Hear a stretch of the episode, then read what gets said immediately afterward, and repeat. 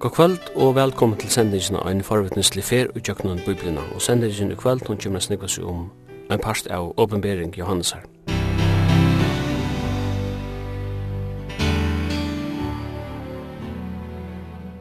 Henda sendingen av en forvittneslig fer og tjøkkenen biblina er at høyra i lindene kvart mye kvöld klokka 19 og endersent veri frugjer søgnabart klokka 15.30.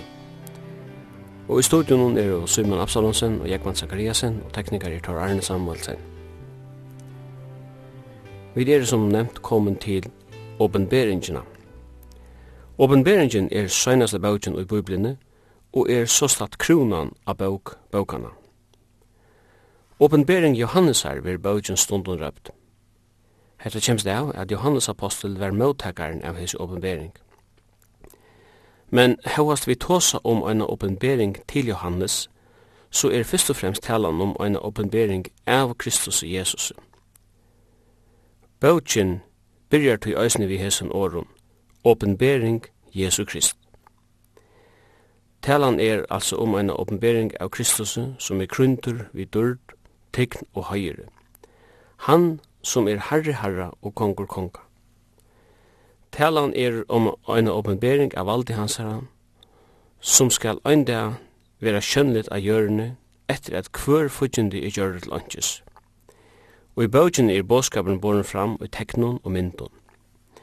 Hetta hever ørkjumla mengan lesara, og mengur hever ratt og slatt ikkje hatta seg i holdt vi hesa gadeføre bøg. Men vi øya at hau i hoa, at bøgjen kallast ikkje gadan eller løndarmale, men åpenberingin, og vi tryggva fullt og fast at bøgjen øyret kunna liva opp til sitt høyde. Størst allar myndir og i nuttar veri bautin er å finna ærastæðan i Bibelni. Og hette er just leikinen til a skilja hvordan myndinar i bautinu skulle tolkast. Til sås at ikkje opp til hitt fria hovfløy tja lesaren at tolka bautina, men det er først og fremst skriften vi skal tolka skriftenar. Bautin er skriva av einen og nevnes Johannes. Jeg tror at han ikkje sier hver Johannes han er, er ungen ivi om at vi tåsa om ein av dem tal apostlene. Som fengje vegna kristne tryggsyna var han stadra ødne Patmos, ta Jesus åpenbera seg fyrir hon. Bøtjen vera mongon mett av å skriva om ar halvfems, under forfylgjengene av Domitian kaisara. Innihaldi i bøtjen kan bøydas opp i trudjaparstar. Kapittel 8 er åpenbering av Jesus sjolvun. Kapitlaner 2 og 3 er åpenbering av Jesus og samkommende. Og kapitlene fra 4 til 22 er åpenbering av Jesus og rujtje hansara som skal sikra i heimene. Vi færa tog i fyrste adløve er at halda okkom til tar fyrste trutja kapitlanar i bautjene som særliga vi vujtja samtog Johannesar. Og jeg kan, jeg kan hugsa meg at uh, lagt fyrir vi har spurt Er det nega ivi om hvor du skriver seg bøkene? Jeg hadde ikke at det er så stor ivi om hvor du skriver bøkene. Han, han nevner seg selv ved navnet i, i bøkene for aller første, og han kallar seg selv han Johannes, og han, han brukar navnet seg faktisk flere fyr, og til dem så i fjore ørende sier han bare Johannes, i nødgjende ørende sier han er Johannes som er bror tykkara og hava lot vi tikkun og i trongtene, rujtjene og tålen og i Jesus Kristus være øytene som kallas Patmos for orgel skuld og for vittnesbord av Jesus skuld. Så at det gjør kan løsende det av endelig eh, hver og hesten høvendren er. Og jeg tror at han kallar seg bare Johannes og, og legger ikke noen særlig tittel at se at sier okkur eisen til at heter en person som var ekkert vel kjentur eh, i middelen til folk som han skriva i til og som han tante middelen. Og tog er og flestu godfrøyngar og bibellærarar var eina mali om at dette er Johannes lærersvann Jeser, den samme som hun skriva Johannes evangelium, og de tre brød Johannes her. Så det er samme som han var bro Jakobs, altså eina av lærersvann Jeser, bro Jakobs, som bare var siner Sebdius.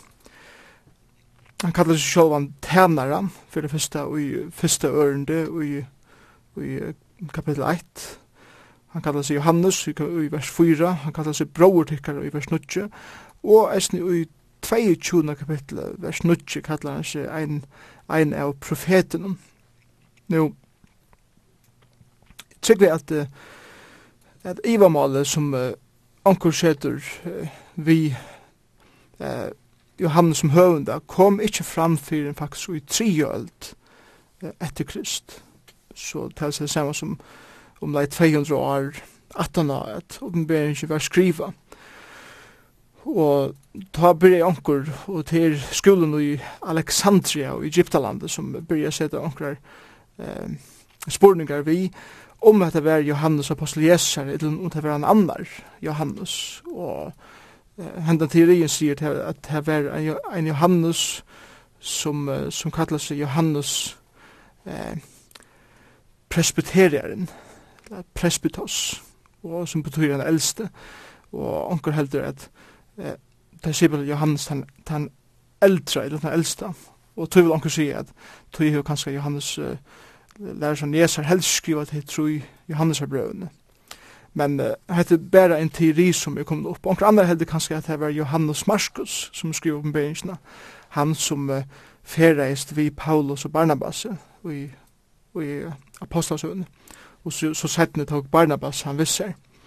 Men eh, flestu kyrkjefyrrene, eller alle kyrkjefyrrene som, som er sjående nasta attalige, attan av Johannes, lærer som Jeser, og her hugsi om eh, Justin Martyr, eh, Irenaeus, Tertullian, og Hippolytus, eller Clement fra Alexandria, eller Origin, eh, sier atler at det er Johannes apostel Jeser som skriver i oppenberingsna og um, origin sier sjolvor eisen rent søvelig at Johannes apostel Jeser vær undervalden valden Domitian kaisara sender ut av øtna Patmos at arbeida i, i silver minnen her som en fengje tog at han uh, vildi ikkje bodja seg fyrir kaisaren som sunn herra men bogte seg bare fyrir Jesu som, som sunn herra. Tøy er jo fleste bibellærer og godfrøyngar det av eina mali om at høvendren av åpenberingen uh, i bøkene er Johannes apostelen. Her at jeg skal siast at uh, som flere flere har sagt før ta verlig høvendren av allar bøyblene er god sjolver og uh, bøyblene er innblåst av god sjolven. Johannes og allir hinner høvendaner i skriften eh, er best pennaner, eller det ambøye som Gud brukte til at festa sutt år nyra eh, papur vi.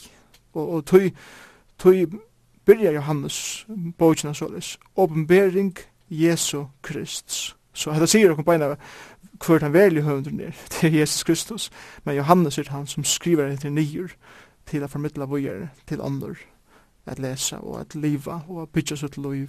Ja. Hvis vi prøver at liva og lutsin nu i situasjonen sier Johannes, da han vi ført ut av Patmos, vi vet at her var en fenga og og her var en fenga leva. Og som du nevnte så skulle man utvinna silver ur, ur minen her. Og i nødjar tog så har man hørt nek om fenga leva, lummes under stalen og det var løyde testbelegar, det som tjekk fyrir sier og det var viffer som fengane fingur og etter hvert man er skilt så var det var lite frier her nere ta ut og inn. Da man så også ser til at hese mæren blir ført ut her, så er man ønskelig her i hoa, han var ikke nekka unge mæren. Ja, det, er så helt sikkert. Her atter vidar vidt at uh, Jesus kallar Johannes uh, er oss visser. Og ta hever kanskje Johannes veri i kanskje omlai 30 år aldrin herra lei, kanskje sindre yngre. Og Jesus uh, var så krossfester og er 33 etter Krist. Og Johannes var kanskje var omlai sam alder, omlai 30 år alderen.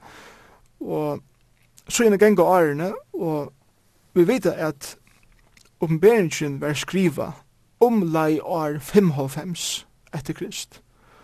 Så vi tar så om godt trus var sett nå. Så maveren har vært omlai ha femsar alder.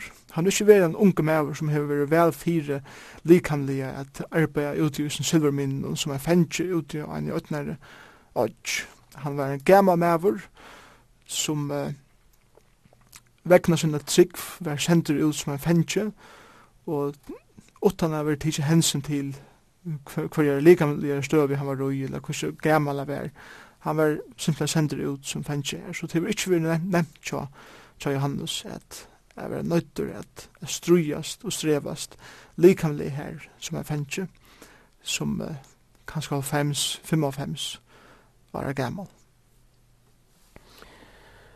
Ute i øyden er han fullkomlig isoleret fra eh, omhøymen. Lutla Asia, her har han jo arbeidt i, det 60 at han har vært leier av samkomne i Efesos. Og nu er han så ute i Egerhavn. Men selv om han er isolerer, så hender det at knapplega så er himmelen åpen. Han kommer i borsterikking. Ja, og det sier han nesten selv i, i bøkene. Og dette sier han lyder sin reisende om hverjar omstøver Johannes er våre. Vi vet at uh, Domitian keiser, han han var den første keisaren i romerske rujtjen som, som får så lengt å si at, at uh, folk skulle komme og tilby han sjolvan som en person. Og vi vet at, at Nero, keisaren, var en og medelig øndemæver, særlig utjøkken til 17 årene, og 18 år, 4 trusser, Rom brente, så, så gav han dem tryggande skyldene, eller dem kristne skyldene, for jeg har selv sett elda byen. Og han gav øyelig tøyning, men, men nere kom ångan her til at han for å gjøre seg sjolvan godomlig, og, og for å krevja eh, tilby han beinleis fra falskjennom. Men Domitian, keisaren som eh, som rådde av borgen i romerske rysene fra år 1 først til 25 etter Krist, han forfyllte dem kristne som onkan i avur, ikkje tog at han beinleis var motor kristendomen, eh, fram om nekre æra religioner som var ta døven, men heldur tog at kristne var de einaste som ikkje ville bodja seg fyrir kaiseren.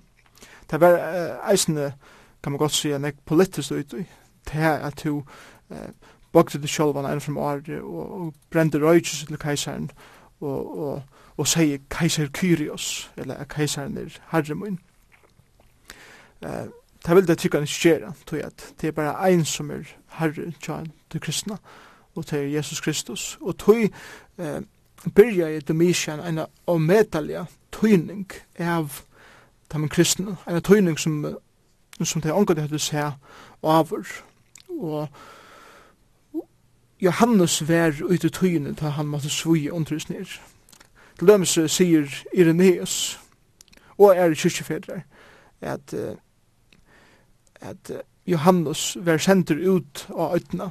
Det er avhåverst at Ireneus sier til han, tog at Ireneus kyrkjefeir var, var faktisk en lærersvenn til Polycarp, en øren kyrkjefeir. Og vi vet eisen til at Polycarp kyrkjefeiren var en lærersvenn beinleis til Johannes. Johannes han levde samtidig som Johannes levde, og, og var sindre yngre Johannes, og da Johannes er deier, så fer Polikarp sine egna lærersvenner, som han så fer lære opp og ut til kristne trunne, og, og Ireneus, han, han kjente seg kyrkjefæren, eh, som her også skrivande kyrkjefæren, han, han sier så det her, at dette var det som Johannes måtte svoja fire. Men så korsen tar et hitje er at omstøvende tja Johannes her ute av øytene, så, så trykker vi ikke at det har vært så ringar som vi kanskje har hod til å gjøre det. Det er også om at han sender ut her som, som religiøs fengje, og han der måtte struja seg silver eh, namen og så videre. Tøy at eh, han fer, han fer åpenbering her, og av en eller annan hatt har han eisen haft ergångt til blekk og papur. Og han er eisne av en eller annan hatt finnst fri et tega tøyina som skal til a skriva et her nyer. Så det kan tøye på at, at hessin gamle maveren, Johannes, hever haft ein eller annan eh, form fyrir fralse eh, her ute i øytene. Eh, det kan være sånn jeg som hever gjørst det. Det kan være til at at av til han var så gammal, så var han ikke sett til at arbeid lykka hardt som, som hine. Det kan eisne være til at en av vaktarmannen som held, held vakt i urnen, eh, hever finnje så godt inntrykk av honom at han hever noe mer fralse enn kanska annor. Det vet vi ikke, at det bare spekulasjon fra mine søye. Men kurser vet vi at han fikk tøy at få oss åpenberingsene, han fikk tøy at reflektere ivrana, og han fikk eisen tøy at skriva henne nyer, og så gjerne jeg senda henne ut til den tjej samkommunar. Så, og herfra er hun så kommer vi gjerne eisen til okken og det.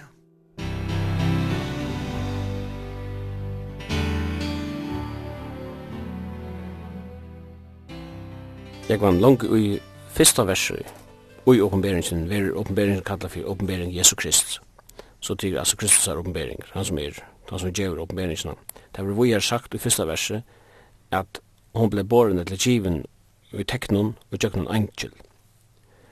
Men uh, til året oppenpering som jeg kunne huske mer at uh, nå med synd narvi, de fleste folk opplever ikke bautjena som en oppenpering, men som en agat. Ja, at det pura som du sier. Og det som er avhåverst, som eisen i området er suttja, er til at dette første titlen er bautjena i oppenpering, Og så sender her oppenbering Jesus Krist, som god gav honom, til Jesus til å vise tænare synen til Johannes, som det som kjøtt skal henta, altså det som er for å henta i framtiden. Så sier han, han sender på vi enkle synen, det er det samme som at, at oppenbering uh, Jesus er var given Johannes, Jøgnen Angel, som kom og oppenbæring etter fyren, og kunngjør Johannes tænare synen til, og så er det dette året her, i teknen. Og, og her, året her på i teknen er det samme året som symbol. Så det heter en oppenbering som er oppenbering i Johannese og i symboliskon teknen, eller i symboliskon male, som for Johannes og hans her tog ikke var nekka trobleik skilja, tog at han han han han kjente det teknmale eller symboliska male som som affär uppenbarelsen upp på. Nå, eh, greske året for åpenbering er uh, apokalypsis, og, og apokalypsis er samansett faktisk av tveimen åren til et, et høvesaknor, men uh, til eisne fyrsynnegar år som sender framafyrir, apo, er fyrsynnegar år som, som meina simpelt enn vi uh, er færa bortefra, eller at, at, uh, at tega nega bortefra uh, einun, eller tega oman av. Saknori er kalypto, som meinas er fjæla, etla goima. Så, ta vi seda apo og kalypto saman, så blir det or apokalypto, eller apokalypsis. Og det er saman som at det er nega som, som ikkje vil fjalt meir, til nega som vil åpenbæra, er nega som, som vil gjørst skjønnligt. Og man kan tega, Her er mynd til dømes ta i en standmynd skal åpenberast. Så hungur fyrst at det er at det er teppe, eller at det her prosentingen, om man er iver det. Og så halar hungur i bandet og teker prosentingen om man er av. Det er en åpenbering til nekka som av og vær fjallt, men nu er, er just åpenlust fyrir öll a sutja til, til skjønnligt. Og her er så en, en særstøk oppenbering, eh, en godomlig åpenbering. Det er det samme som at uh, hette neka som er eh, vust menneskjon, som menneskjon annars ikkje hei kunna seg om god ikkje valdi at, at gjera det skjøndet fire fyrir menneskjen. Så, så det er tøtningen av sånne her årene og sånne her sammenhengen til nega som ikkje kan suttjast utan at god åpenberar til fyrir okkon og, og tur er lagt, langt lagt dent og at hette er åpenbering Jesu Kristus. Nå anker skilet her på tvær måter. Eh, det kan være at hette er en åpenbering av personen Jesu Kristus. Det vil si det som at det er en oppenbering fra gode som gjør oss vitan om hver og Jesus Kristus er. Og ta, ta sender etter i griskene i kvannfall. Men man kan eist si at dette er en oppenbering fra Jesus Kristi sjolvun, og gjør en, en oppenbering som Jesus gjevur sjolvur, og ta stendet det i, i kvørfall. Og jeg vil sjolvur sagt at hette er største parten av oppenberingene skal skiljast som at hette er en oppenbering som er given fra Jesus sjolvun, at han gjør okken uh, oppenberer for okken lysen av hva det er som han ger og tog som han fer gera og i framtøyne.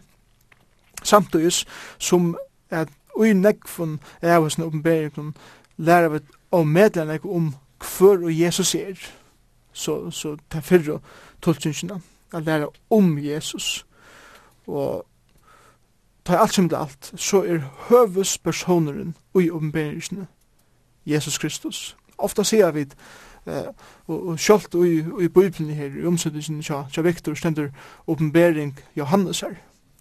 Men i første verset stender åpenbering Jesu Kristus. Så jeg halde titlen burde være, burde være annerleis.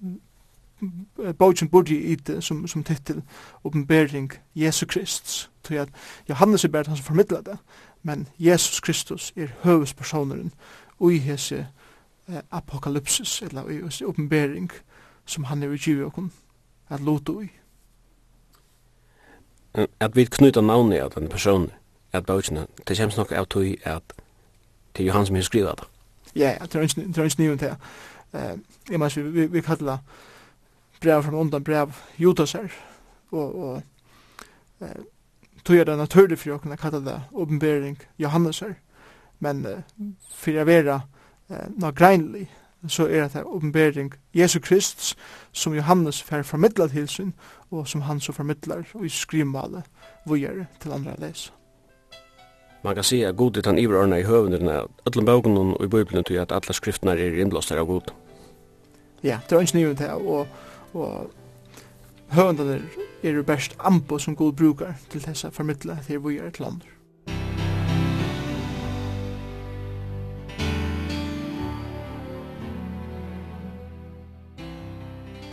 Jeg kan huske meg at hos sinne om hese teknene som han uh, er inne av. At, at det er kunngjørt og i teknene, og så er det inne på at her at hvordan skulle vi skilja hese teknene? Uh, hvis vi hitja i, i um, vers 12, han hørte jo en rødt, at han så sier han her, jeg venter meg av suttje hva det var for rødt du taler vi meg, og ta jeg venter meg av, sa jeg tjei, ljøsastekar av godlet, Nu er tvei symbol til ljøsastegi og god. Så sender vi er og middel ljøsastegan er ein som luktes menneska sin, kladdan og i fødsujan kirstil, og vi goddelbelte spenten om brøst. Nu har den person, og det stendur hvordan hun illaden, hvordan skal det skiljast? Hødd og har hans er vår kvitt som kvitt utl, som kæv, ei hans er som eldsløye, Føtter hans er lukte skuinnande malmene til henne glødder i ovnen, rødt hans er som ljev mengra vatna.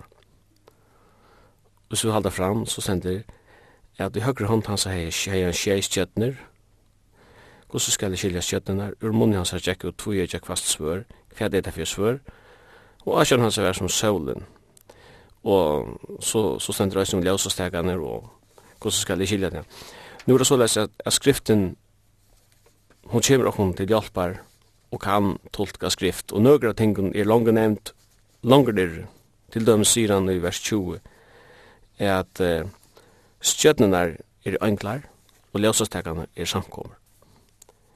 Men eh, hvis vi nu hvis vi nu hoksa om hine symbolen i pjusi kifra jökna öll, eh, hvert tål eller hvert ampo har vi fyrir a kunna skilja symbolikken.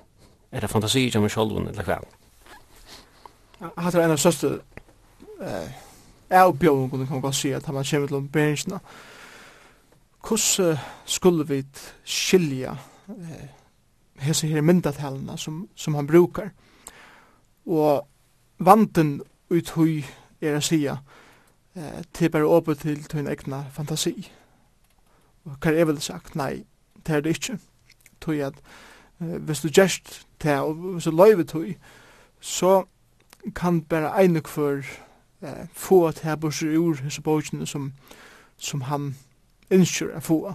Og det kan føre kunne ut i og medelig store vandar til det kommer til tulking og, og store miskyllingar. Og tøy er det at, at jeg, jeg atter og atter da jeg leser bøker om oppenberingsna, så er ein en stor pastor av boken som skriver om oppenberingsna spill av papur og spill av blekk. Tøy at høvundar halda seg ikkje til nega grunnleggjande meiregler i bibliotulkan. Og da jeg sier bibliotulkan, så er det sama metoda, eller samme metoder som vi brukar til tess at tolka einekvann litteratur. Og etter fyrsta i, i bibliotulkan er det at eh, vi må røyne å komme så nær til det som den opprunalige høvendren yngste at kommunikera til sin, sine opprunalige lesere eller avhøyrere. Og det er så ein, eh, kan man godt si, en trubelage som vi, som vi strøyas vi tog vi er 2000 år langer atter, vi er eh, flere tusen kilometer bortstøtt fra det geografiske stenen, vi er i helt øren eh, mentenarligen eh, omkvarve. Og vi tar helt annan måte å kommunikere på da det kommer til myndatale og så videre. Og tog er det området å se det så, så nekv inn i disse omstående som man, som man kan. Nå for jeg tar så om myndatalene, så, så må vi eisne minnes til det at, at et avmarska menneska sinne kan ikke til fullnar skillna et eh, a sinne som god hever, som er oavmarska. Og fyrir vi kunne skilja til her som god innskje at oppenbæra fyrir okkur, eh, og i oppenbæringen brukar her myndetallet etla symbolisme fyrir at kommunikera det til okkur. Og, og ta Johannes ser alt det her, han er tidsin inn i himmelen, og han ser hva det er som er her. Og han hever ikke år fyrir at, jeg at det, Og, og tøy sier Johannes, hva kan jeg, hver år kan jeg bruka fyrir at nøkulunde er lysa til her som er suttje. Og han, han røyner å finna alt alt det som han kan forsidla seg, det flottaste tingene som han kan forsidla seg, det er av ötlun, og det kommunikerer han. Fyrir opprunalega lesaren var her nek symbol som var helt vanlig fyrir deg, og det var ikke trobelig at skilja deg. Nå, uh, allan vegin og skriftnar, så, så, så er det øyla nek symbolsk tala. Men tala ikke er det samme som vi skulle bare uh, tolka bøyblina rent symbol, så bara ikke akkurat som vi vilja. Vi läser bare om Daniel profet og Ezekiel og Zakaria, så er det i som heter, hvordan myndet har brukt. Og det samme er i Eh, Uh, jeg kan bara nevna nøkker noen døme av myndet her som, som Jesus, eller god omberer fire og nir, og som Johannes som skriver nyer. Til dømes, han, han er myndet her fra Joraheimen, ekla meg i omberingene. Uh, han tåsar om hestar i kapitel 6, han tåsar om livande verur framför hasate, han tåsar om lamp, skorpioner, leiver, leopardar, bjødn, froskar, ørner, fuklar, fiskar, rævlig jord, alt det her vi er tås om i oppmerkelsen. Eisen naturen er nevnt, trø, græs, skudj, eier, sjekver, solen, manen, stjøttenar, tåra, snarljós, heklingur. Menneske var eisen nevnt, som til dømes mauer baden, eller en skøtja, eller en brover. Eh, en ørgrunne av vopnen var eisen nevnt, svør, spjót, og egroknøyvar, og våpen som kvar ryker nekk fra og eld som er ur. Han nevner eisende til dømes eh, ljåføre, trompeter, fløyter, lurar. Han, eh, han løser eisende nekk som Jack gong fyrir seg himmelen og gjør, eh, som bare kan forklares ui, ui myndatel. Tøl er eisende nevnt, øyla nek tøl i oppenberingsene, tæle 2, 3, 3 og halvt, 4, 5, 6, 6, 20, 24, 42, 144, 636, 1000, 1200, 1600, 6000, 12000, 144.000. Uh, så vi sier her hvordan torfer det er tolka. Men eit som er områdant, da vi kommer til omberingsna, til det er at vi har en grunnvitan av gamla testament, av tog eh, som var brukt i tabernaklen, i gudstyrkanene, i tempelen, av anboen som uskjøsmenn brukte i gamle smente, og av omstøvun, av geografiske nøvnen, av personsnøvnen, og så videre. Alt slukt vil nevnt om beringsene, og utan vi heva en grunnleggjande eh, vitan av hva det er som gamle smente handlar om, så kommer det omkring av sønnen at skilja omberingsene, som det lømmes en imen symboler som er tidsen ugamlisment, ljósa stekar. Det er beinir at fyrir okkur aftur til tabernakle og, og, og til temple. Tabernakle vil eisen nevnt, temple vil eisen nevnt, altar vil eisen nevnt, og det man beinir eisen tekur okkur aftur til hva var det fyrir offerskipan som gamlismentet hei. Örstjen vil eisen nevnt, og, og og hva var ørsten, hva blei av ørsten, tog at ørsten var nevnt i omberingsen til å være knapplega i himmelen. Som lei stierne under gamle og en eufrat, bøyene Sotoma og Gomorra, eller særlig Sotoma, eh, Armageddon, eller Magiddo, vi er eisen nevnt, Jerusalem, Babylon, Egyptaland, personer som Balam, eller Jezabel.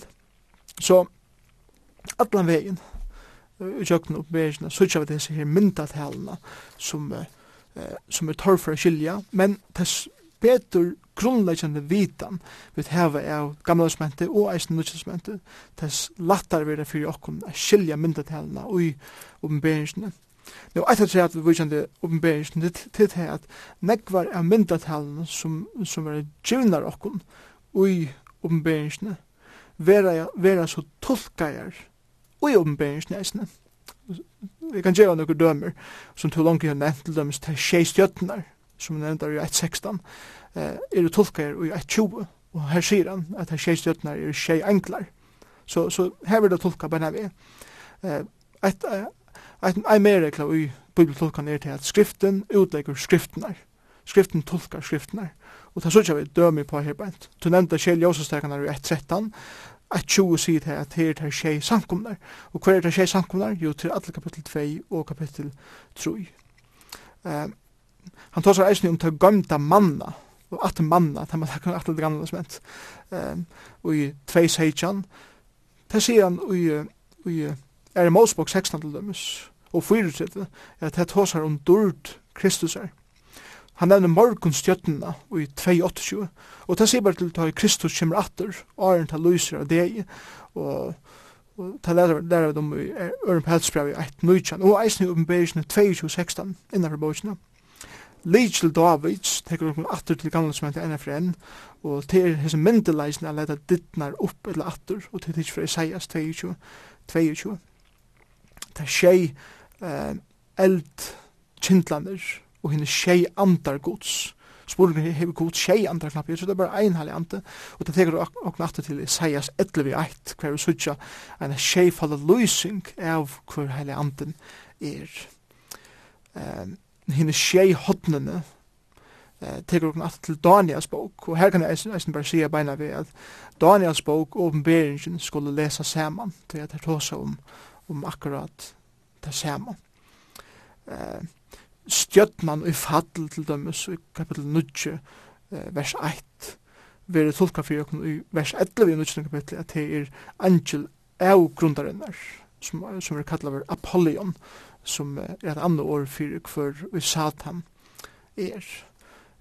Kvinnan og badne i, i kapittel 12, vers 1-2, det veri tolka fyrir okkur i vers 5 og 6 i samme kapittel at det er avmynda Israel og, og Jesus Kristus, um, dyre som kommer opp i hevnen i kapittel 13 eh, vi er lyst for åkken atter sættene i kapittel 19 som uh, hinn koma til heims herren som eh, ja, eisne kallar antikrist. Eh, dyre som kommer opp i hjørne kapitel 13 er leie profeteren som, som vi er nevnt for åkken i, i kapitel 19 Nå, jeg kunne bli vi i, i, i fær tøymar at hosa om myndat myndatælna, men uh, hefði gjev okkur bara lutla myndi av at ta vi fyrst lesa oppenberingsna, så kan det vera omøtelig og alløypande at, at, at ivervinna iver hessa myndatælna. Men hvis vi er tålen, og vi er villig at se okkur inn ui uh, hvordan oppenberingsen sjálf er det fyrsta utlegger myndatælna, og eisne teka tøyina til a byrja at lesa jokken gammalsmenti og jokken bøytena attur og attur og attur fyrir at koma skilja betre tess betre koma at skilja hva oppenberingen sigur og hon fyrir ikkje vera så størst løndarmal fyrir okkur som vi halda hana vera. Og, og ta jeg lesa oppenberingen av det eh, så haldi jeg at ta, ta vera kjem til alt så er hon ein ta lattasta bogen og i bøytene at tulka Nekva brøven Paulus har til dømes rombrevet, og andre brøv er faktisk nekv eh, torrførere er verlig å tolka enn oppenberingen er. Men det teker aravis av granskan og av tåle og vilja til at sette seg inn i skriftene. Eh, til ønsken eh, sjåtevever eller snittvever er kommet a kjenna skriftene verlig. Det, det krever tøy, det krever disiplin, det krever nekvansveita men lønnen vil eisne, og medle er ruik heretter.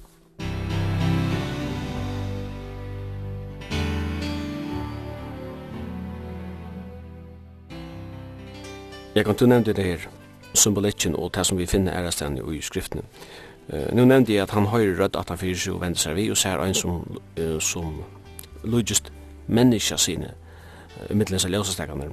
Det minner dere på en av Daniels bøk, her Jesus 20 kapitlet, et eller annet og menneskesonen som skal komme. Og han ser hvordan eisen kusjoner i laten, og det minner dere bare nevne Mosebøken og husprestabonen, altså prestabonen i Israel, så det som han er. Og, og så stender det at ur munnen hans er tjekker ut kvast tvoi jeg ikke svør, og ja, at Guds år er tatt tvoi jeg ikke svør, det finner vi ærestendig i skriften.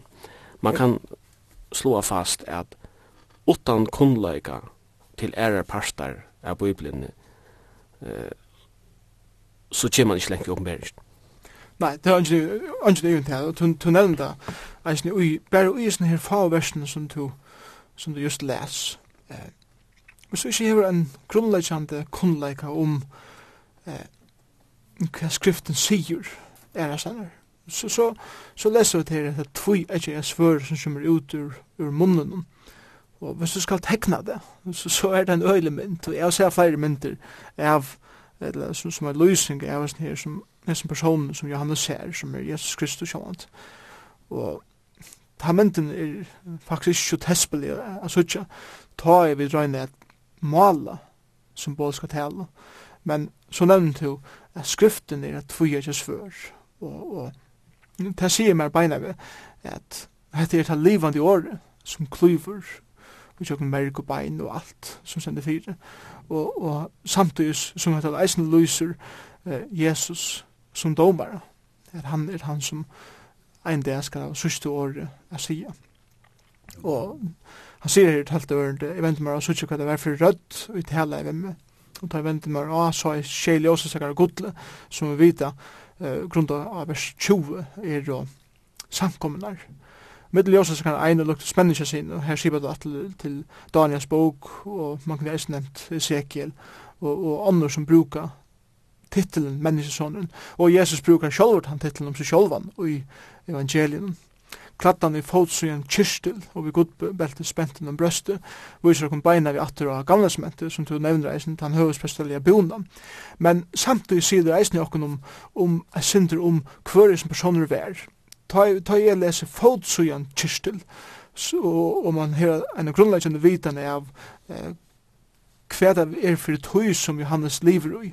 Så vidar vi at ein maver som tjekk i fotsujan kyrstil var antil ein maver som var eh, eh, i høv og starve, eller var en konkur, eller hva som skal være, eh, tøy at det var symbolet for at hetta er en velarde maver, hetta er en maver som er domare, eller er onkur politikar onkur slæ etla ein raharre ella konkur tøy at ein vanlig arbeidsmaður hey ikki fót sjóna kistil hann er bara ein kistil sum kom beint om for knøin fyrir at han kunde beveka slattar og renna skjótar og arbeiða.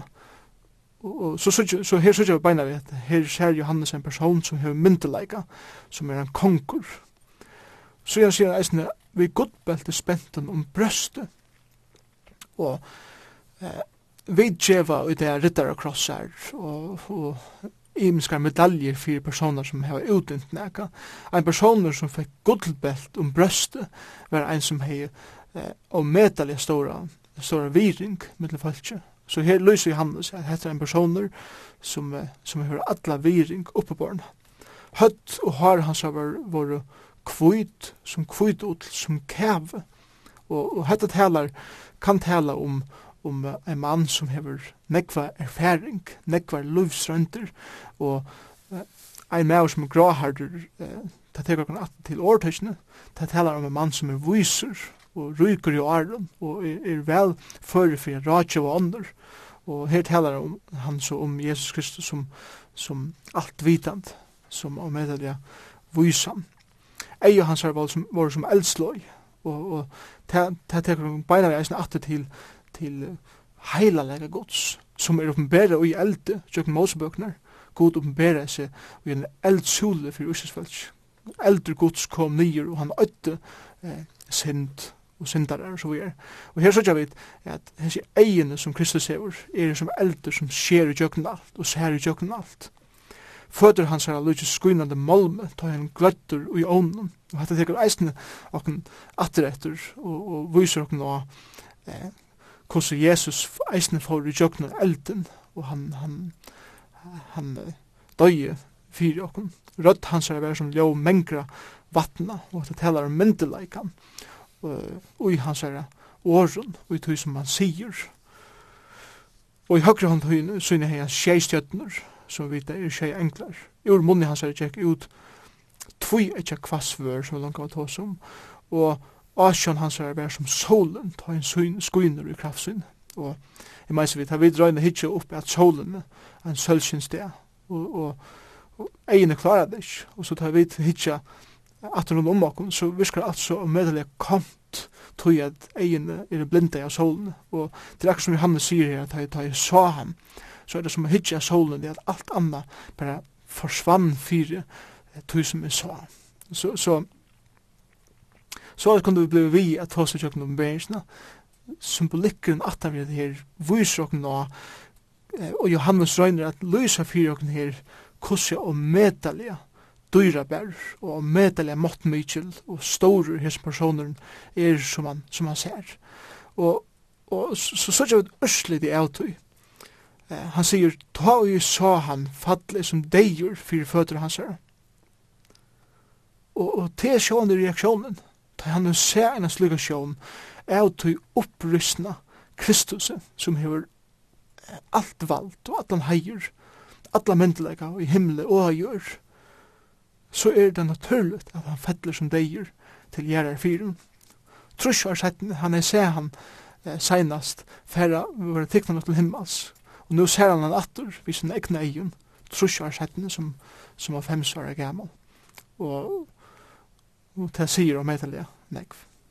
Jeg kan lukka hoksa mer at, at uh, lagt av treet her, jeg kan at så vidt vi vita er Johannes, han som stadra ute i Patmos, som man sier i silverminnen og ned, og ser enda mannen i godbelten. Han er nok den eneste at han tall lærersvenn som stod i kross Kristus her, og så han dødja, sa en romerskan herman, stinga svøri i sugina og utkom blau og vatten, og han sitt han som er seta her og vittna det. Det var en øylig moner i mittlen tasjonen han sa av Golgata, og det som han ser her av Patmos Trusjar, så er det samme med over. Kanskje er det eisne en grunden for det han fettler, som det gjør, eh, til å gjøre her bant. Og, og det som du sier her er, er av medelig aha verst, tror jeg at eh, vi, vi leser om det her kvalitet av Jesus var tidsen, så flytja lærer kjenner, som sier i ångan her hever, og tar flytja, men Peter fylgjer svinnen, og Johannes vidar vi stender her krossen, Og han ser Jesus som en eldar, neldan i tjokken hendur, og tjokken føtter, lærersvenner og Jesus elskar Og, og Jesus tåsa i vi Johannes fra krossen, hver han sier Johannes, hikk mortun. Og det som han sier her, er Johannes, tæk der av mammen, nu tar jeg eh, dodge. Samtidig, jeg det er settene, reiser Jesus opp fra henne og Johannes ser han, og han er saman vi henne, tjøkken tar fjøre det når han er og gjør den og han er tidsen opp til himmels. Vi vet eisene fra eh, Apostelsen i 1 og nudger ut etter, at Johannes er til stier, ta og Jesus for tidsen opp til himmels. Og så, så sender her i Apostelsen nudger, 1 nudger og tudger at skudgjene tog han borster, og tar så han ikke mer. Og så kommer englander og sier, hva hittel det, han skal komme atra samme hatt som det så var færre. Og nu eh, har Johannes liv i trus år, han har tant herran, han har eh, opplært eh, sina lærersvenner til at det her går året vujere som han lærte eh, av Jesus sjølven. og nu knappelig, som er fengje, ute av Patmos, hver han kanskje heldre at nu, nu li upp i min liv, ser han som herre og frelsare, frelsare, eina frelsare, og han ser han eh, ikkje som neldan i tjokken hendur og føtter, dodjan i krossnum, men han ser han eh, sikrande av tog, og vi ödlum valdi og myndelega. Og han ser en lydig glimse av tog durt som Gud sjolver hever, som Jesus hever hever og tog fettler han som deg og nyer. Og så sørger vi reaksjonene fra Jesus sjálfun, og her, her, her leser vi det 16 ørende, men han, det er Jesus, leie høgre hånd syna og ame. Helt fantastisk. Fettel som deier nyer, knapple av mestrene, av sin øksl. Eh, hender Jesus. Og Jesus sier, øtta sitt, jeg er den første og den sørste. Det er sjå, det alfa og omega. Jeg er deier, men hikk, jeg er livande i alder og alder er. Jeg har liklar deians og deier utsins. Så det er akkur som Jesus teker og legger hendene av akslene av hjelper han opp at, og sier hikk, det er jeg, og jeg er den sørste og den feste, jeg har sørste året jeg sier, jeg er den som er alle myndelag og alle makt. Gjer tunu tunu ta som vi blir og tog det Jesus sier vi han, skriva tu ta som du såst, bei ta som er, og ta som henda skal her etter. og til ta som åpenberingen handlar om. Ja, han byr han skrivet her, og møttakarna tog som vi skriva er det her tjej sankumnar. Og det er øysen symboliserer her som det er innja vi, vi ljøsestakum. Men jeg kan, og i gamla testamentet, her leser vi om øyn ljøsestaka, og han hei tjej armar. Og det talar om at i halvdom til jøden var ljøse konsentrera, tjej ljøs samla i øynestea og det symboliserer sjående først og fremst det er god vært høyre ljøs, men også at de som tjøver ljøs bærer for høytningen. Men som sagt, altså en konsentrasjon av ljøs er at vi tås om øyn steka vi tjei ljøsen. Men her tås vi om tjei stekar. Det sier kanskje sinter om månen mittlen hva skal man si, ljøsbærer, eller til å kunne reflektere gods ljøs, og gjennom nøytestamentlig, at ja, nå er, hva skal man si, høytningene kommer inn, flere samkommer av høytningene, og det skjer samkommer i Asien. Ja, det er ikke noe evig om det. Jeg halte at, at hvis du hittir at uh, ljósa stækunin her og ljósa berinen og ljósa gamla gamlasment og nutjelsment. Det er det samme som at det er kortene, sjálft om det er tjei einstækir ljósa stekar og jo berinen her, så er det korten tan einleitjen og i hessen ljós berinen og ljósa støkunin som, uh, som var konsentrerar i einan ljósustega i tabernaklen eller i, i tempelen. Og det nøytestamentlige minstre viser okkon eisene, nemlig at her at i gamle sementet var godstyrskanen, kan man godt sija, konsentrera av einen sted, som var tabernakle og settende tempelet. Og i tog nøytestamentlige tøtningsen er eh, ljósastætjen som så ikkje konsentrerar vi av einun geografisk stæ, til å si samme som til i Jerusalem. Men nu er kvør einstakur ljósa berare og ljósa stætje setter og imestø rundt om allan heimen, ferdig ut om allan heimen og gjør at folk kan stå til lærersvannet mine, sier Jesus. Og, og, og i ein mystisk einleika hver Jesus er ljose.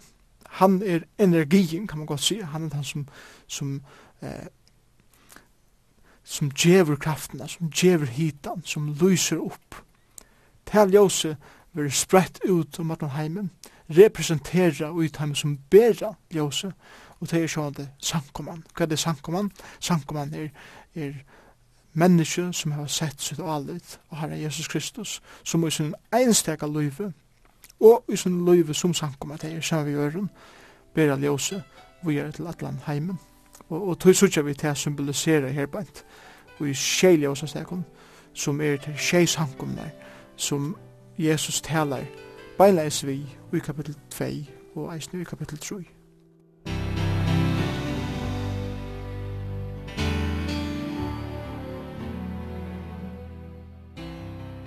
Jeg kan en, og i inngangen så tok jeg og bytte bøkene grovt opp i trudja parten. Fyrsta kapittel fyrir seg, annan og tredje kapittel fyrir seg, og så fra kapittel 4 ut etter som eh, tan tredje parten.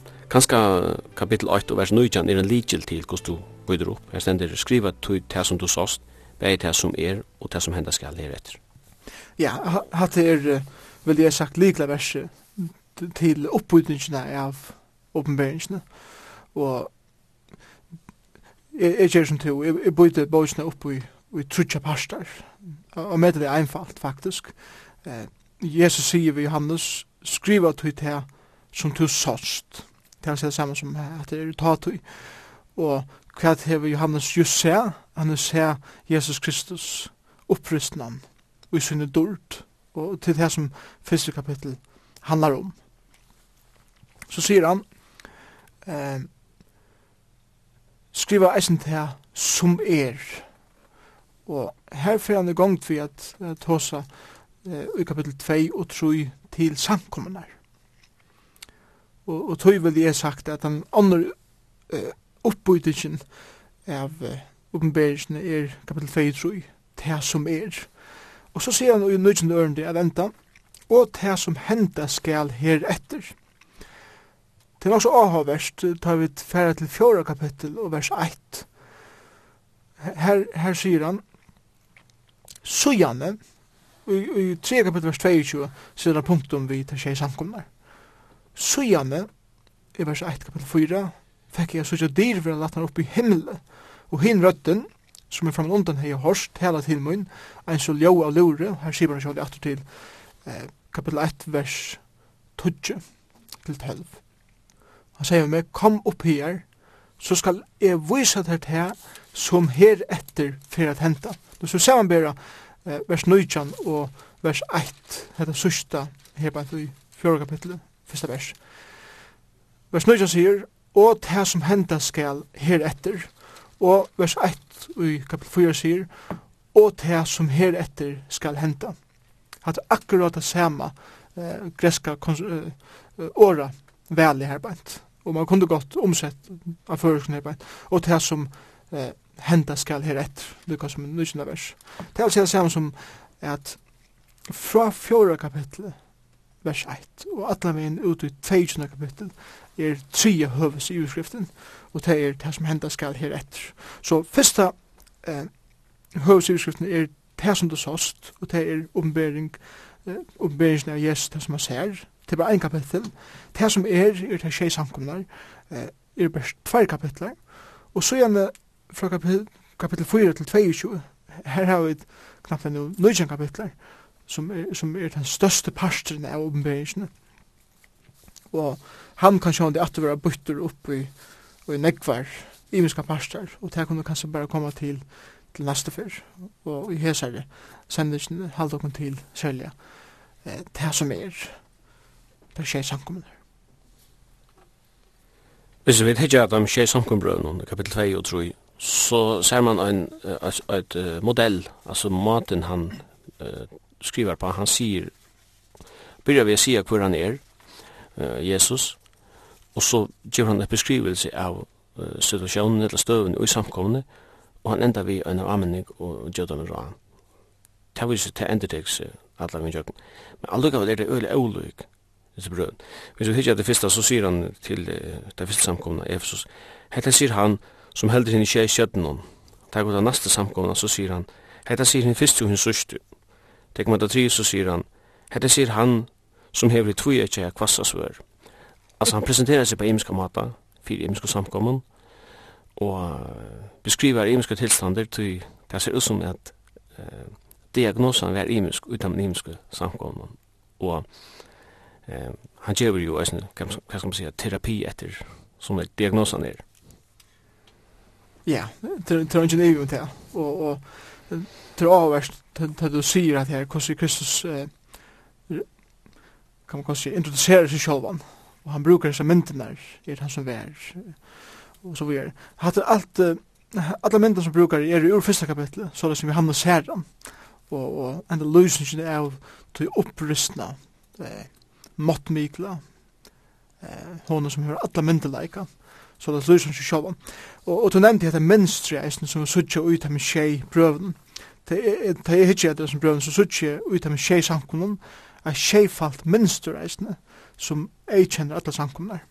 Til dømes, for det aller første, så fer Johannes bo om å skriva.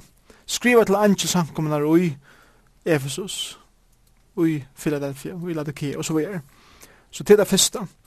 For det andre så er det en løsning av Kristus som vi just tås av om. Eh, og til løsningene er så tekner fra kapittel 1 og ufører i eh, kapittel 2 tror til til tjej samkomnar. Alt etter som Jesus introducerer seg til der og til som der trøntja til a suttja.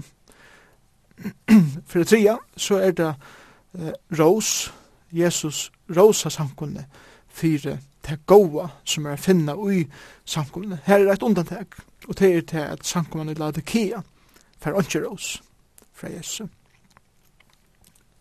Ta fjóra eh, minstre, det er en revsing, eller en avmenning, og det er en avmenning fyrir veikleikar, eller sint som er finna og ut av min imensko samkomne.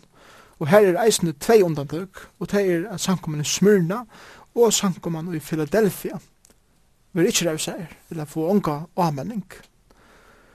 For det femte så er det en rattlegging, og det er en avheitan om at venda vi fra sunne synd, tja dem sankunne som heva synd og i sankumann. Så gjennom for det satta så er det kall, og til det samme setning som jeg kjenner alle tjejsankunnar, tann i øyre hever, høyre til og i anden sier vi sankunnar. Så det er kall at lusta etter, tog som Kristus sier. Og for det kjenta, så er det en avbjøring til ter imse samkommunar. Og hendan avbjøringen innebærer eisne et lyfte. Lyfte om nekka som de skulle få framtiden. Lyfte om at de skulle arva rujtje. Lyfte om at de skulle ete av treie løvsins, og så videre. Så hette det skjevfalda minstre som vi sutja og i ödlun eh, brøven til ter tjejer samkomne.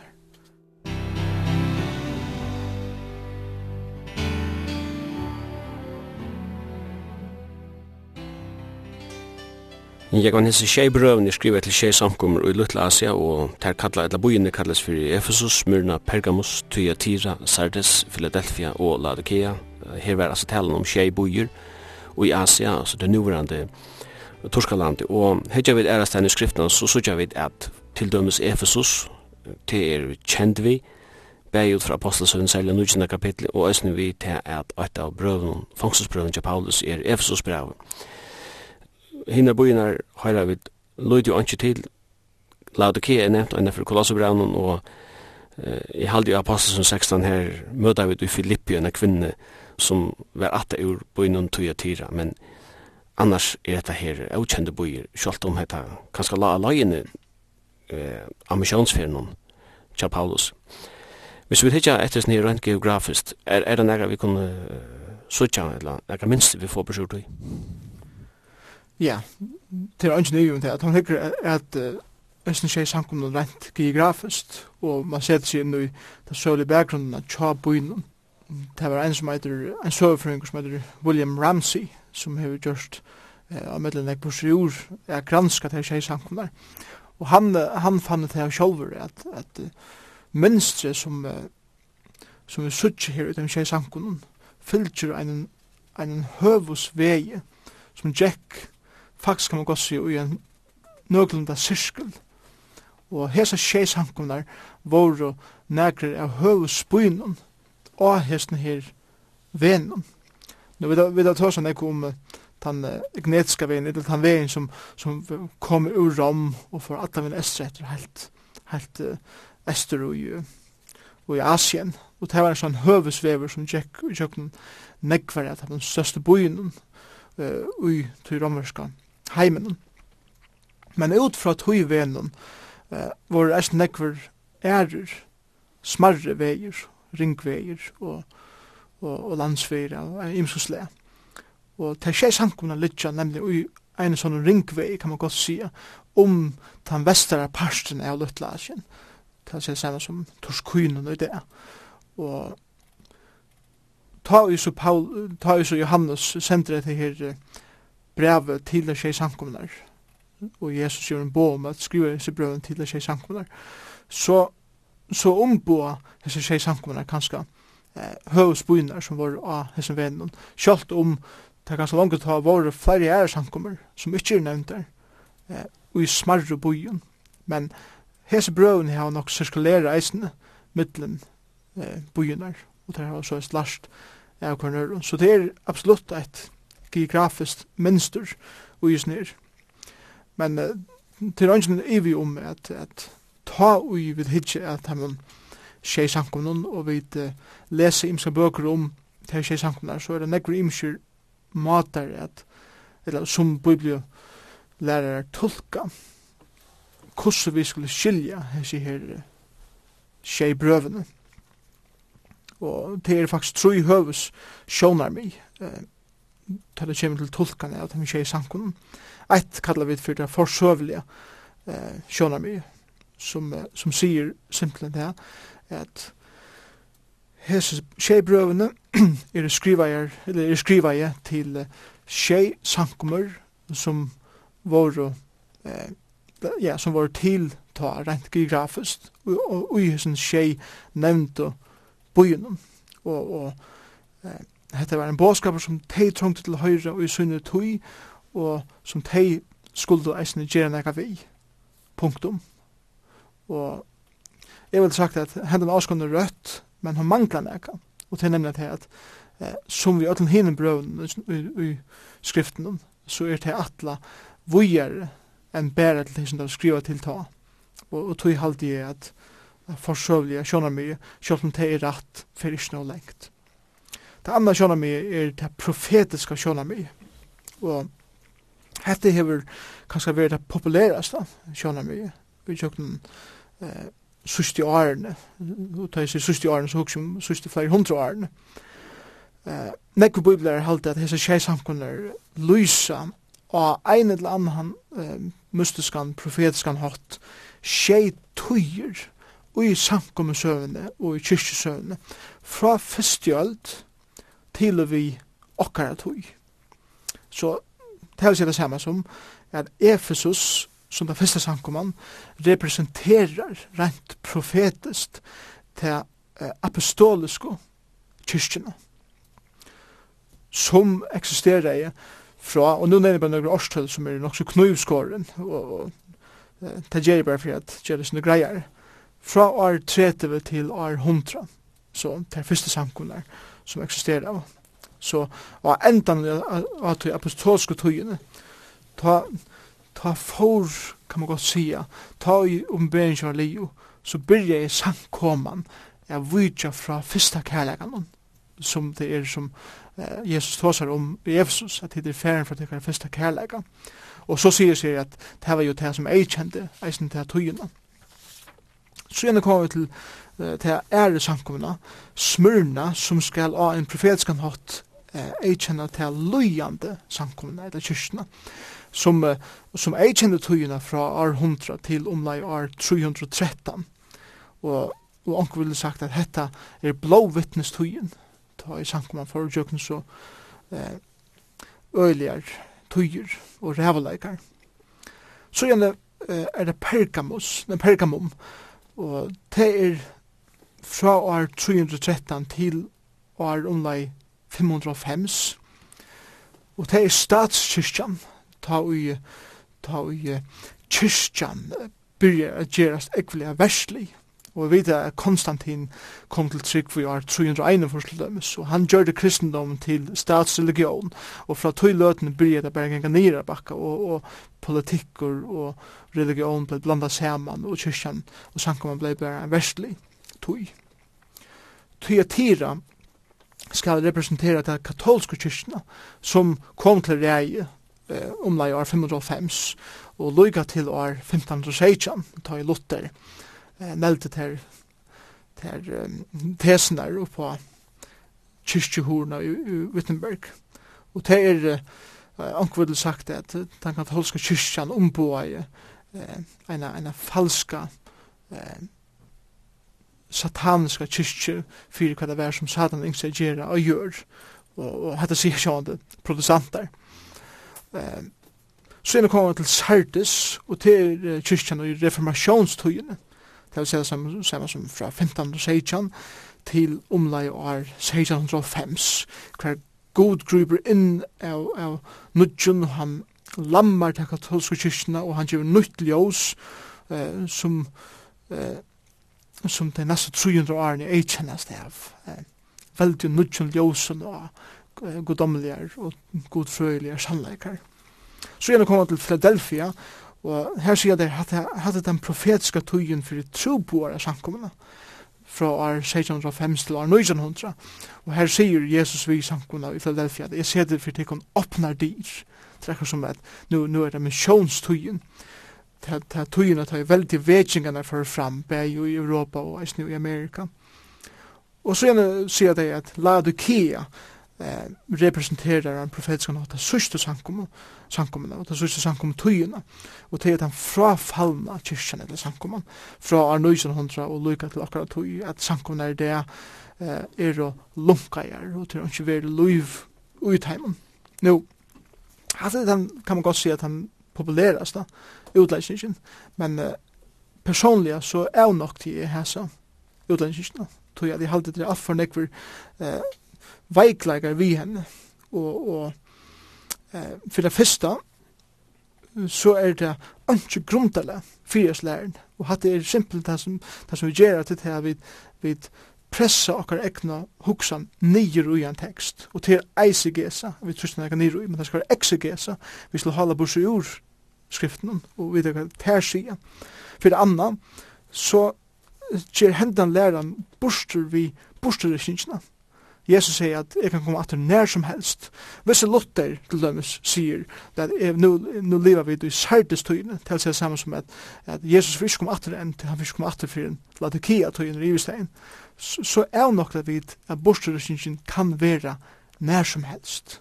Tøy halde jeg at han læreren er ikke rett.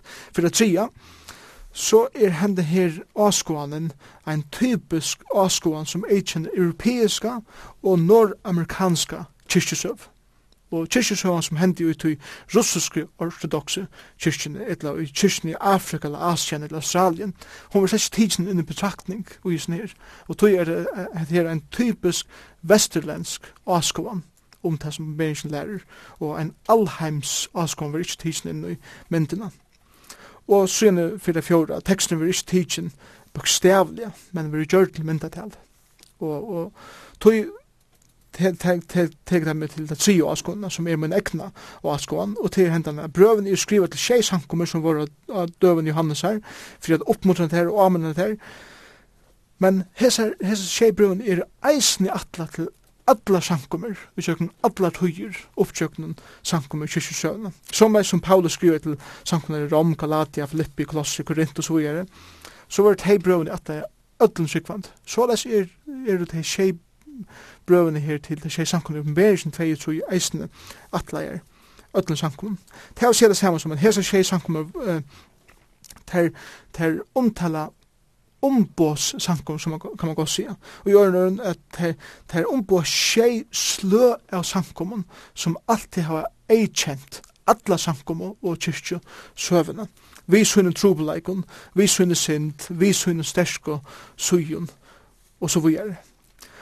Eit annað som vi vil sagt fyrir at skilja teksten rent exegesist, ta vi ta som bibeltolkan, det er tess meira vi vita om geografisk og eh, beliggenheitene, kan man godt si, av oss byen, tess meira vi kjenna til tess søvelige bakgrunden, tess meira vi kjenna til eh, geologierna, altså jarfrøyina, rundan om hesser, hesser bojinar. Det som er vi til fölkje og hvordan de hugsa av, tæra søvelig og bakgrund og, og tæra uh, sosiale bakgrund og i bojinen. Det er bedre for at du at utletja eh, brøvene. Så jeg nekver, nekver at han myndene som Jesus brukar for at amena til sikvandi og i sin imenskon eh, vi er lokalar eh, mynder som han brukar og tei skilte beina vi kan ha mente vi ta han sier det som han sier og tøy kjer vi vel vi er kun inn så vel som mulig inn i eh, omstående kjøp kvarja til einstøkken kjer i samkommunen vi i.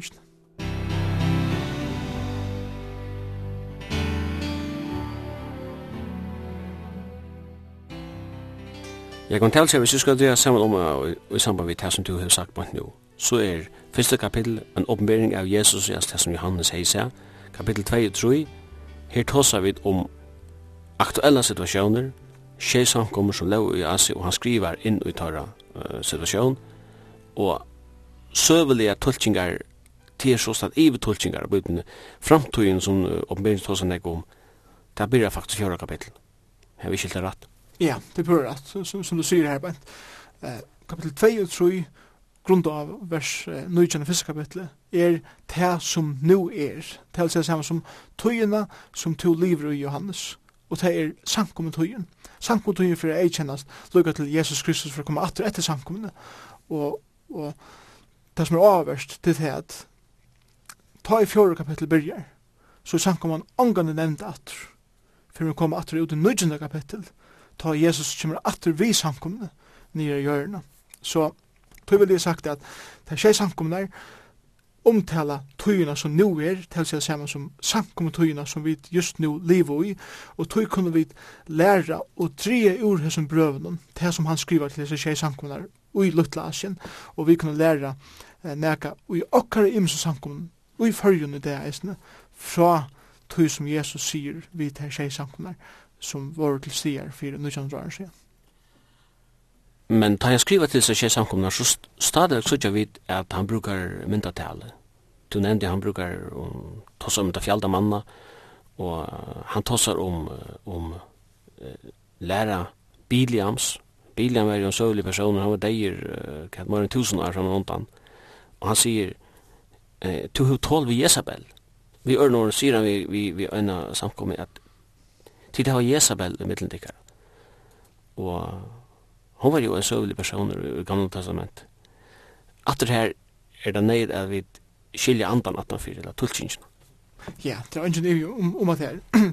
Ta og ta i folk lesa om Jezabel, som har, har en grundvitan om skriftene, så vidar vi her, at det var en kvinna som uh, heta i jötanar. Hon, hon gjør det alt kan hun kunde fyrir at, at uh, standa god i motor, at standa eh, til jødisk og trunne i motor, og hon rønte at drepa, sånn ek som hon kunde, og øya sånn ek som hon kunde, og Og ta i så Jesus sier at tid hava Jezabel til kan. Og, og, og til ledarna få fri, så sier han vi gjør nøren, til hava folk sjankomene, som taler imot mer, som taler imot mine folke, som røyner at innføre avgoda dyrskan inn i tykkara reine godstyrskan, til det er det som Jezabel gjør det, hun førte heitna godstyrskan inn i jødska godstyrskan. Og tidsi er han ikke vitt. Og, og her er det anmenning som han hever og sier at hatta, hatta må ikke, hatta må ikke henta. Og så er strevsar han samkomna fyrir at, at uh, vi er iverberande, i er for sint, og er avgått at det skal samkomna. Ja, han sier her til kapittel 2, vers 20, men jeg har tatt møtet her at du har tålet kvinnen Jezabel, og jeg sier seg å være uh, profetinte, og som lærer og vidleier mine tænare. Altså, Jezabel var religiøs. Hun gav seg ut for å kunne profetera. Altså, her og i åpenberingen. Ta han verilige Jezabel, den høytene kongadetteren som ble gift i jødiske kongen Akab. Hun rønte at infiltrera Israel vi balstyrskanene og på tann, tannmata undergrava de jødiske trunna og dyrskanene av Jave, den øyne sanne god. Ja, og da er det at disse Jezebel som vi nevnte her bare i 2020, så det kan være han, han tåsar om en avvisa kvinne som han gjør med navnet Jezebel, for jeg viser hva det er for kvinna, det kan være.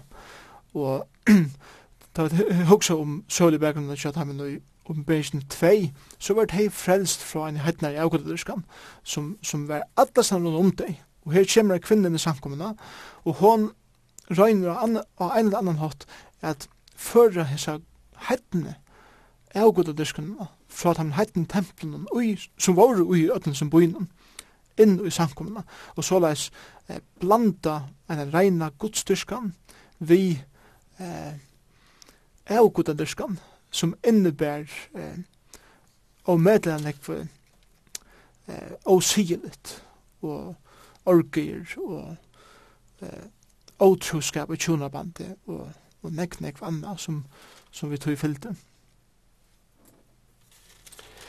Han sier eisen i vers 14 i kapittel 2 at uh, jeg har synder møte til her, du hever tjata nøkker og halda fast ved lærer Biljams som lærte Balak å legge avstedet for bøtten Israels at det er det avgod offer og driva siløys og atter her så er det mulig å skilja det her utan vi vend atter til gamle testamentet og hitje etter hver var Biljam hva gjørde han, hva stod han fyrir og hva var urslit i av hans herre versk Ja, det er ikke even til etter her.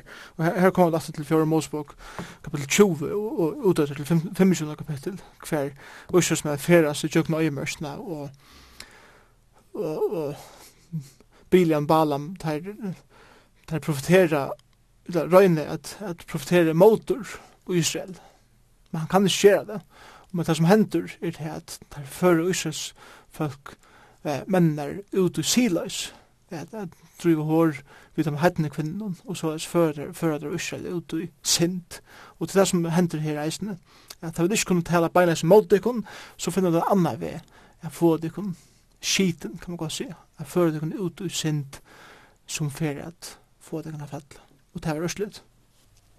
Man kan si at eh, Biljam og Jezebel, tar er å infiltrera, og hva skal man si, dolka godsfolk ja, det er ikke nøyvig med det, og det er det som eh, ånder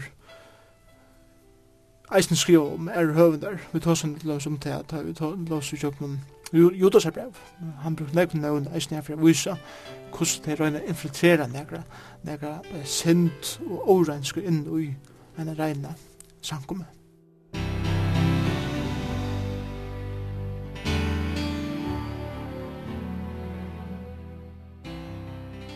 Jeg kan her til sørst, det er skje samkomne lov som vi har nevnt i Lutla Asia. Vi tås om tenurende torska land, et muslims land, et rettelig mist land, sier vi kristne jo. Ja, og det er ikke at disse tøyene som samknaver og så, så kan man godt si at det er lov og i sensen av ødelen her som kristendommen virkelig blomstrer i. Og Og i det er det at torskoinen og her fullkomlig at det og hver kristen vera, vera tunt og forfyllt fyrir, fyrir sånne trygg. Og jeg tykker at bådskapen uten av samkommen sier og medalja negv. Eh, vi heva bådskap til samkommer som, eh, som sier ut til at heva alt på plass, men kærleisen er færen. Og det kan Jesus spruka. Vi sørger samkommer som færre og medaljer, løyingar og tøyningar, og som sørger ikke ut til hava neka, men som virkelig blomstra av era løyve, tøy at Herren brukar eisne samkommer til at leia deg som tøyningar fyrir at, fyrir at dårda gjør sitt navn. Vi tar samkommer som uh, sørger ut til at vera og medaljer veikar av nekvan hatt, nekvan trobelagar strujast vi, og men korsene er et virkelig sunt og godt liv i samkomne. Så har vi et eisen samkomne som sier ut til å heve alt, og, og det ta ikke alt det, men så sier vi at det ser ut til å være god samkomne. Men at han fyrir alt det her er samkomne fullkomlig av deg, og her er ikke veriligt, veriligt liv. Vi så ikke eisen samkommer som god godkjiver høve virkelig at nå er ut til ånder, i evangelisering og at, og at noa folk fyrir herran. Og vi sørger sankommer som, som heva et glansebuilat, men at han fyrir glansebuilat er, er ikke veriligt til stier. Så alt det her sørger vi ut om tjei samkommen, og vi sørger det enderspekla i samkommen enn i det. Og ein avværing som Jesus gjør samkommen i Efesus til som var vidtjen fra sin fyrsta kærlega, og her trykker fyrsta kærleiken er henne, henne med henne brennande kærleikan som de høttu til Jesus i sin tog, da det byrja av. Men nu er okkurs kommet inn, og det er meira konsentrera om at bare heva eh, ratta lære, heldur enn hugsa om at kærleikin skal eisen til. Og Jesus sier vitt det her bænt at om du ikke vender vi så kommer jeg, og jeg skal flyta ljøsestakan tøyn ur steg hans her, om du vender ikke vi. Og rent søvliga, som det ikke at Efesus, så vart han bare nira bakka. Um, og i det er Efesus sjåver bøyren, og i ruinen, han var en blomstrande havnabøyer, og i det ligger han 16 kilometer inn fra havnen, så, så renke grafiskt er byen fullkomna brøtter og er brukelig til havna bøy det, og han ligger ruinen, og vi kunne savvika det, vi er ruiner, og i Efesus, andre samkomma, andre liv er her. Kvui, tog at det tog ikke vi avværing Jesus og Jesus flytte steg Og jeg tykker en avværing til okkun det er, er vi bare avhua som samkommer det, at, at det kan så godt ut, ut etter, at, at vi hava alt som vi halda skal være plass på plass, og vi gløyma kærlegan bare god og eisne til mennesker Og Kristus sier, men at det ikke vi, så skal jeg eisne flytta låsestekan, ur stenen som tid er. Og, og vi sutja, og i Vesterveuropa det, sankummer, at man sankummer, at man sankummer, snæra leitjelen og lukka. Kvoi? Det er kanskje at Jesus er flott ljósastekan Og tog er til en, en avhøydan hinnevein til okkom om at koma at til okkar fyrsta kærleika. Koma attu til den brennande langslen, at koma kjenn herra Jesus Kristus, av nudjun, og eisne at koma, koma at iver for den kærleik som han fytter okkom vi, iver er ånne mennesk, tryggvande som vantryggvande, og at elska mennesk, og til det boi som Kristus gav okkom, og, og høyde vi vakna fyrir tog i okkar landi i det, så trygg vi at, at vi tøyde se um, herren gjørs nega helt underfullt i okra land. Og tog skal det være en appell til, til okra ødel. Kristus innskjer at vi skal først og fremst hava samfunnet vi han, og ikkje bare hugsa om hvordan flottar okra samkommer er, men heldur hvordan er okra hjärsta i fri hånden og eisne utetter til mennesker og i det.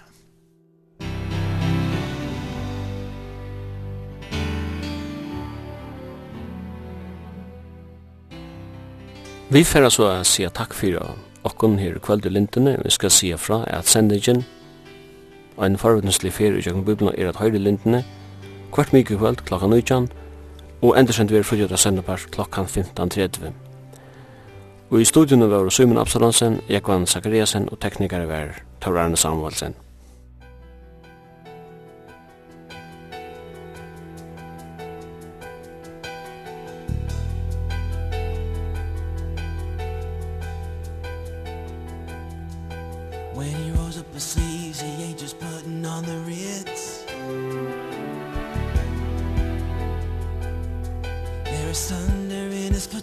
Lightningen his fist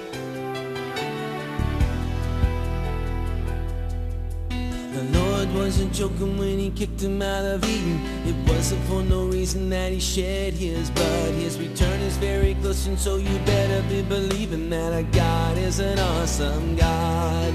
Our God is an awesome God. He reigns from heaven above with wisdom bar and the Our God is an awesome God.